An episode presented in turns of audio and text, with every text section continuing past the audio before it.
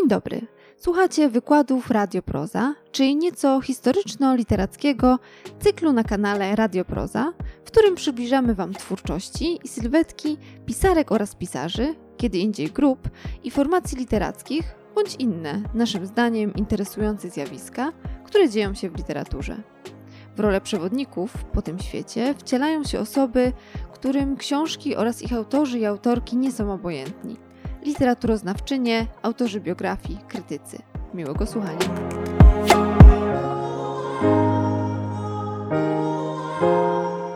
Odcinek trzeci. Szymborska według Rusinka.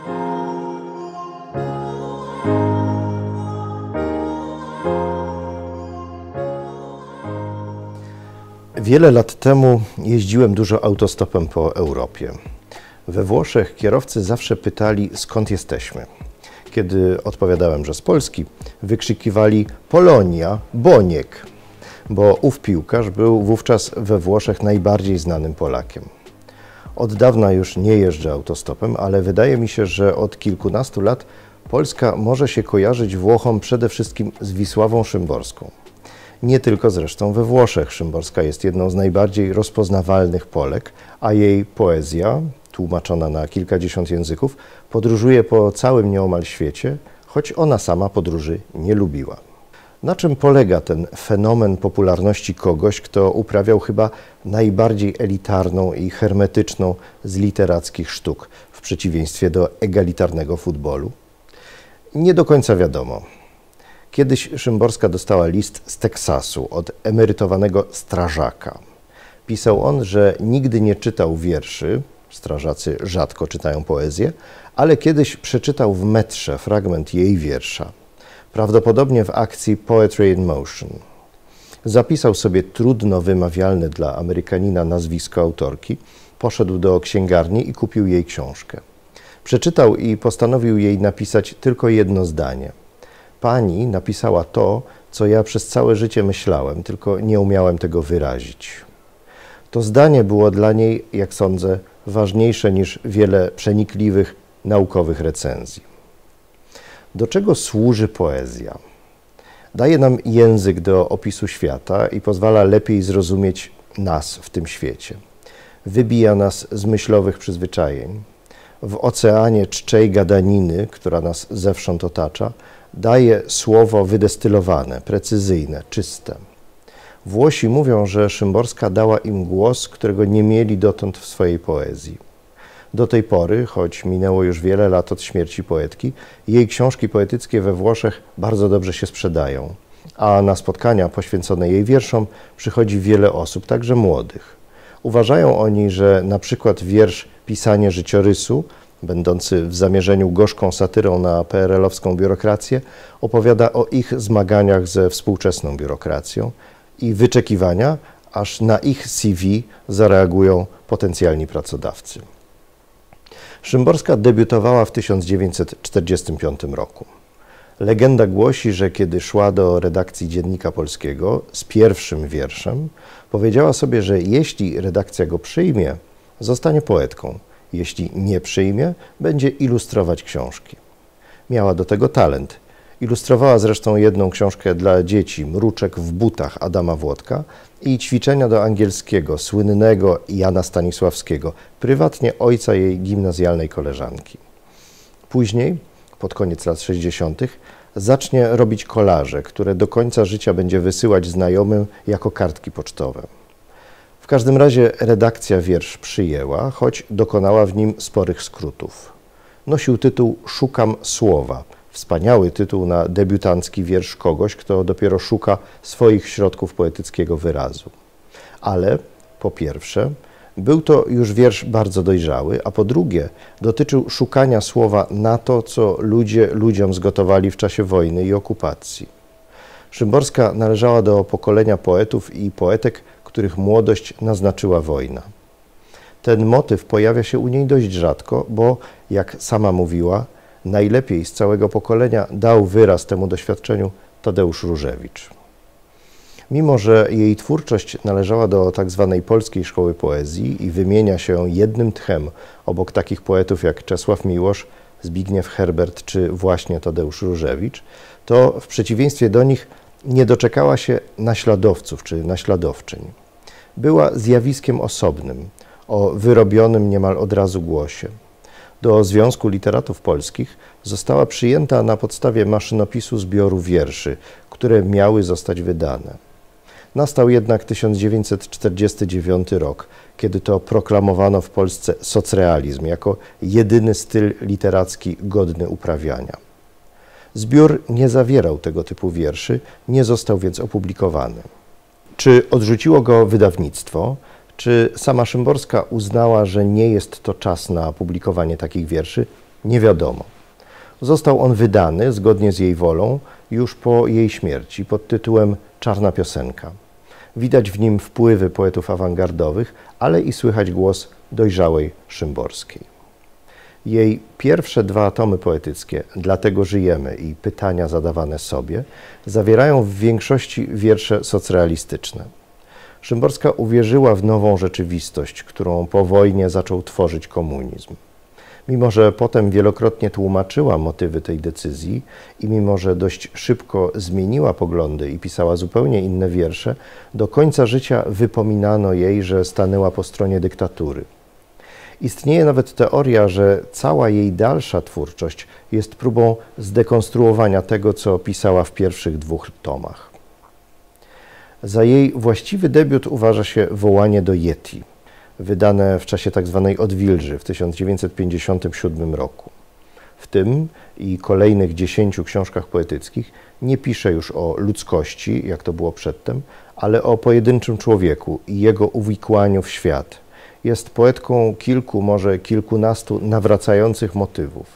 Jest poetką szczegółu, na którym się skupia, jakby patrzyła przez mikroskop nie uważa człowieka za pana wszechrzeczy. Często w centrum jej zainteresowań jest przedmiot, element natury lub zwierzę.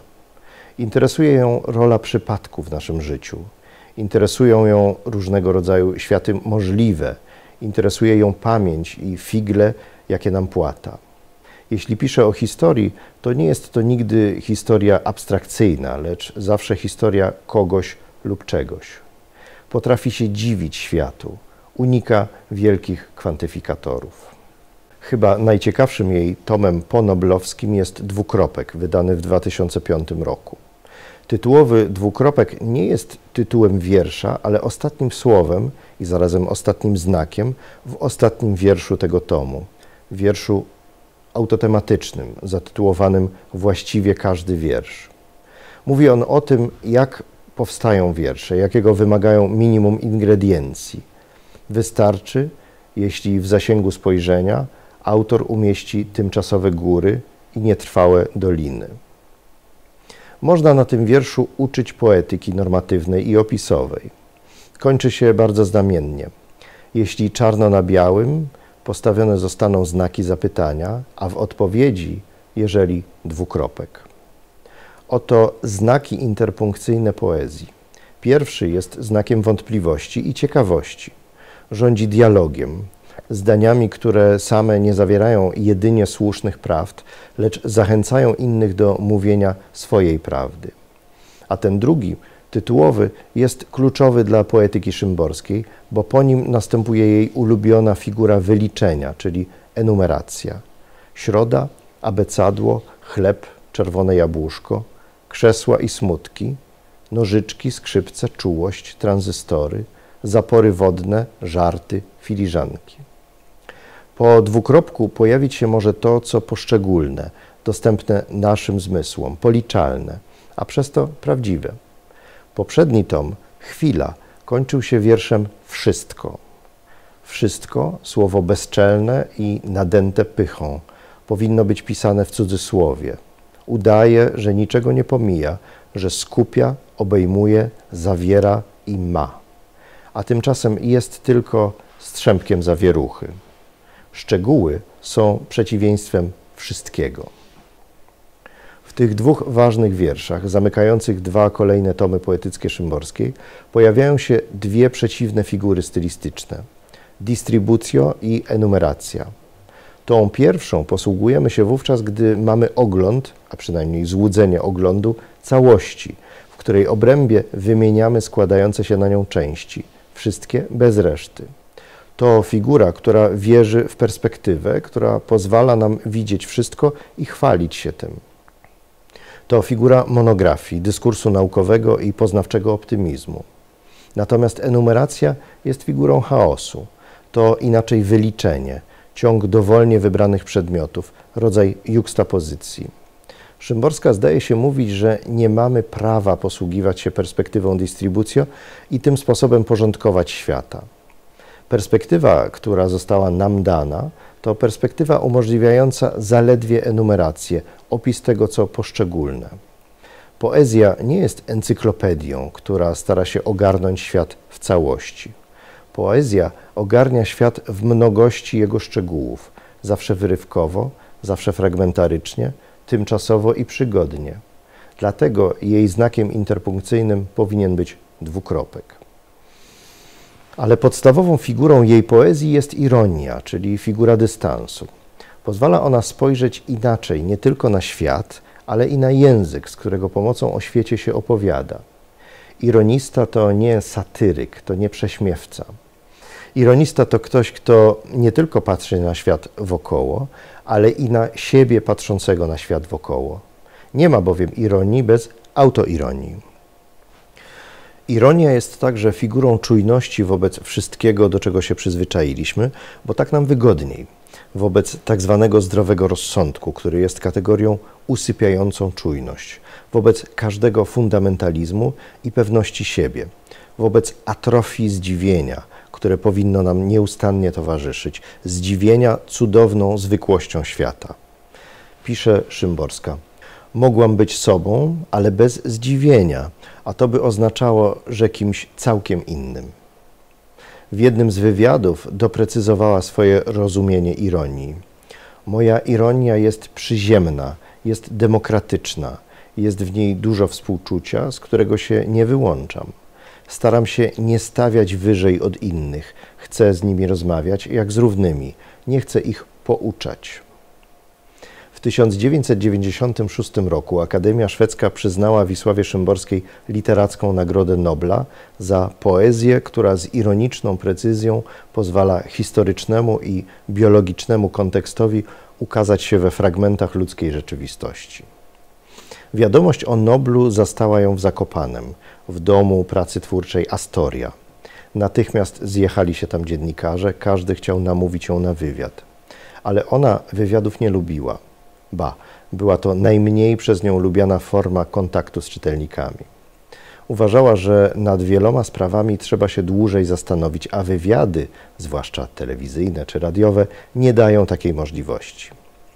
W liście do sekretarza Akademii Szwedzkiej Sture Alena napisała Z trudnym do opisania wzruszeniem przyjęłam wiadomość o przyznaniu mi przez Akademię Szwedzką Nagrody Nobla w dziedzinie literatury. Żaden pisarz nie tworzy tylko dla siebie. Zawsze pragnie podzielić się swymi emocjami i myślami z nielicznym choćby gronem czytelników, którzy go rozumieją i z określonych powodów cenią. Moje ambicje twórcze nigdy nie sięgały dalej, nigdy nie aspirowały do międzynarodowych zaszczytów i wyróżnień. To też uhonorowanie mojej poezji nagrodą o najwyższym w świecie prestiżu muszę uważać za piękny i zdumiewający dar losu. To wielka radość nie tylko dla mnie, ale i dla mojego rodzinnego kraju. Dziękuję. Kiedy rok wcześniej literackiego Nobla otrzymał irlandzki poeta Seamus Heaney, Szymborska odetchnęła z ulgą. Szansa, że w najbliższych latach tę nagrodę dostanie europejski poeta, jest bardzo nikła. Znajomi żartowali, że Szymborska jest prawdopodobnie jedyną poetką na świecie, która nie chce dostać Nobla, bo obawia się zamieszania, które ta nagroda wnosi w życie. Heaney udzielił wówczas wywiadu Jackowi Żakowskiemu, w którym składa gratulacje Szymborskiej, ale i ostrzega, jakie problemy ją teraz czekają. Największym kłopotem staje się poczta. Po ogłoszeniu werdyktu rusza wielka powódź. Trzeba założyć biuro, trzeba mieć sekretarkę, która odbierze tysiące telefonów. Od ogłoszenia werdyktu do nowego roku powódź zaleje mieszkanie i zablokuje telefon, a faks będzie kręcił się przez całą dobę. Każdy, kogo się spotkało niemal od urodzenia, będzie pisał, dzwonił, słał telegramy i faksy. Przyjaciele ze szkoły, z przedszkola, z podwórka, wszyscy odnajdą się teraz jakimś cudownym sposobem. Jakby się poszło do nieba, jakby się człowiek znalazł w jakimś abstrakcyjnym środku całego swego życia jakby się stanęło na wielkim stadionie pełnym mniej lub bardziej znajomych, życzliwych ludzkich twarzy. Wywiad kończy się znamiennymi słowami Poor, poor Wisława. Po roku Szymborska napisze do niego list. Mam już noblowski rok szczęśliwie za sobą. Kiedy rok temu napisałeś, co mnie czeka i opowiedziałeś własne doświadczenia, podejrzewałam, że trochę przesadziłeś. Ale nie, Miałeś absolutną rację. Zamęt, hałas, brak chwili spokoju, niespodziewane obowiązki, wyjazdy, stosy listów, mnóstwo telefonów, kłopoty i przykrości. Czas ten nie sprzyjał pisaniu, a nawet refleksji, a przecież po to żyjemy. Mam nadzieję, że już spokojnie pracujesz i piszesz swoje piękne wiersze. Do przyjaciół pisała wtedy: Jestem jak kot, zagłaskana na śmierć. Tu chcą, żebym wbijała jakieś gwoździe do sztandarów. Tam mi chcą dawać jakieś tytuły. Tam znów chcą nazwać szkołę moim imieniem. Na wszystko odpowiadam nie. Chcę być co prędzej zwykłą osobą, a nie osobistością. Sama marzyła o powrocie do normalności, o pisaniu wierszy. Do obowiązków noblisty należy przygotowanie i wygłoszenie wykładu. To też nie była jej ulubiona forma kontaktu z publicznością. W przeciwieństwie do wielu noblistów nie miała doświadczenia akademickiego. Była poetką i tłumaczką. Pisała wiersze i felietony o książkach w rubryce zatytułowanej Lektury nadobowiązkowe, wydane w całości dopiero po jej śmierci w 2015 roku. 7 grudnia 1996 roku Wisława Szymborska wygłosiła najkrótszy w dziejach nagrody ale i zarazem bardzo szeroko komentowany wykład. Jego fragment dotyczył niewiedzy. Dlatego tak wysoko sobie cenię dwa małe słowa nie wiem. Małe, ale mocno uskrzydlone. Rozszerzające nam życie na obszary, które mieszczą się w nas samych i obszary, w których zawieszona jest nasza nikła ziemia. Gdyby Isaac Newton nie powiedział sobie nie wiem, Jabłka w ogródku mogłyby spadać na jego oczach jak grat, a on w najlepszym razie schylałby się po nie i zjadał z apetytem. Gdyby moja rodaczka, Maria Skłodowska-Curie, nie powiedziała sobie nie wiem, zostałaby pewnie nauczycielką chemii na pensji dla panienek z dobrych domów. I na tej, skądinąd zacnej pracy, upłynęłoby jej życie. Ale powtarzała sobie nie wiem. I te właśnie słowa przywiodły ją tu, i to dwukrotnie do Sztokholmu, gdzie ludzi o duchu niespokojnym i wiecznie poszukującym nagradza się Nagrodą Nobla. Poeta również, jeśli jest prawdziwym poetą, musi ciągle powtarzać sobie nie wiem. Każdym utworem próbuje na to odpowiedzieć, ale kiedy tylko postawi kropkę, już ogarnia go wahanie, już zaczyna sobie zdawać sprawę, że jest to odpowiedź tymczasowa i absolutnie niewystarczająca więc próbuje jeszcze raz i jeszcze raz. A potem te kolejne dowody jego niezadowolenia z siebie historycy literatury zepną wielkim spinaczem i nazywać będą dorobkiem. W tym fragmencie pojawiają się dwa ważne wątki: łączności między literaturą a nauką i niewiedza jako siła pchająca ku wiedzy czy interpretacji, nawet tymczasowej i prowizorycznej.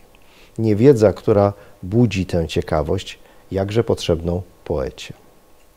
Nie lubiła występować publicznie, ale jeszcze bardziej nie lubiła, gdy w jej obecności aktor lub aktorka czytali jej wiersze z deklamatorską przesadą.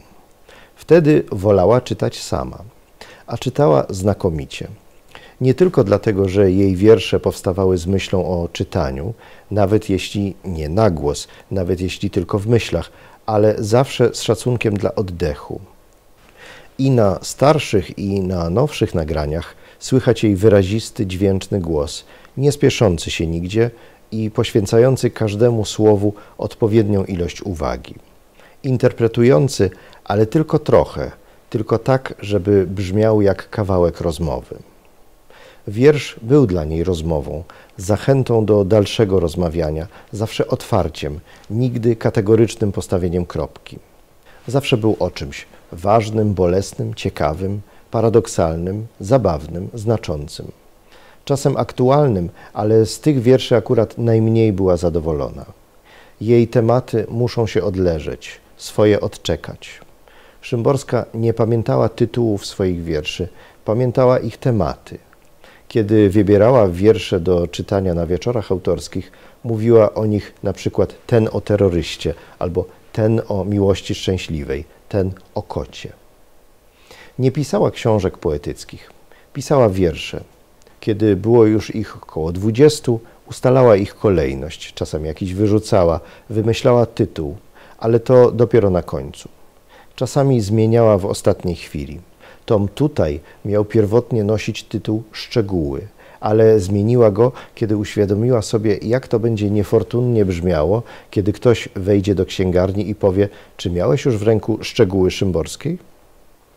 Tylko jeden tytuł wymyśliła, zanim miała gotowe wiersze. Tytuł Wystarczy. To miał być tytuł ostatniej książki poetyckiej. Przez chwilę miał go nosić także tom tutaj, ale Szymborska uświadomiła sobie, że chciała jeszcze pisać, że prawdopodobnie będzie jeszcze kolejny. Kiedy wróciła ze szpitala do domu, dwa miesiące przed śmiercią, przyniosłem jej teczkę z wydrukami ostatnich trzynastu wierszy. Nie miała już ochoty ustalać między nimi kolejności. Po chwili oddała mi teczkę bez słowa. To będzie wystarczy. Tom niedokończony, opublikowany już po jej śmierci przez wydawnictwo A5. Niełatwo było z nią poważnie rozmawiać o pisaniu, natchnieniu, inspiracji. Śniły jej się frazy, które zapisywała. Zapisywała w czarnym notesiku, który znalazłem kiedyś na jej biurku, kiedy wyjechała do Zakopanego. Sądząc z kształtu pisma, notesik musiała założyć na przełomie lat 60. i 70. Zapisywała w nim pomysły na wiersze, tytuły, frazy, rymy, metafory. Te użyte wykreślała. Niektóre musiały się sporo odleżeć. Jeden z wcześniejszych wpisów brzmi do eklezjasty. Dlaczego mówisz, że wszystko już było, już choćby ty nie byłeś przecież? Wiersz z tym motywem nigdy nie powstał. Poświęciła go zapewne, ćwierć wieku później, do napisania wykładu noblowskiego. Marzą mi się czasami sytuacje niemożliwe do urzeczywistnienia. Wyobrażam sobie na przykład w swojej zuchwałości, że mam okazję porozmawiania z eklezjastą, autorem jakże przejmującego lamentu nad marnością wszelkich ludzkich poczynań. Pokłoniłabym mu się bardzo nisko, bo to przecież jeden z najważniejszych, przynajmniej dla mnie, poetów. Ale potem pochwyciłabym go za rękę. Nic nowego pod słońcem, napisałeś Eklezjasto, ale przecież ty sam urodziłeś się nowy pod słońcem, a poemat, którego jesteś twórcą, też jest nowy pod słońcem, bo przed tobą nie napisał go nikt. Notesik jest teraz w archiwum Fundacji Wisławy Szymborskiej. Fundacja została powołana zgodnie z wolą poetki. Przyznaje nagrodę poetycką, stypendia i zapomogi oraz zajmuje się opieką nad twórczością poetki. W 2023 roku, w setną rocznicę urodzin Szymborskiej, dzięki staraniom Fundacji ukaże się wreszcie krytyczne wydanie jej wierszy zebranych. Ale teraz, kiedy przeglądam ten notesik i widzę niewykreślone pomysły poetyckie, myślę o tym, ile wierszy jeszcze mogłoby powstać.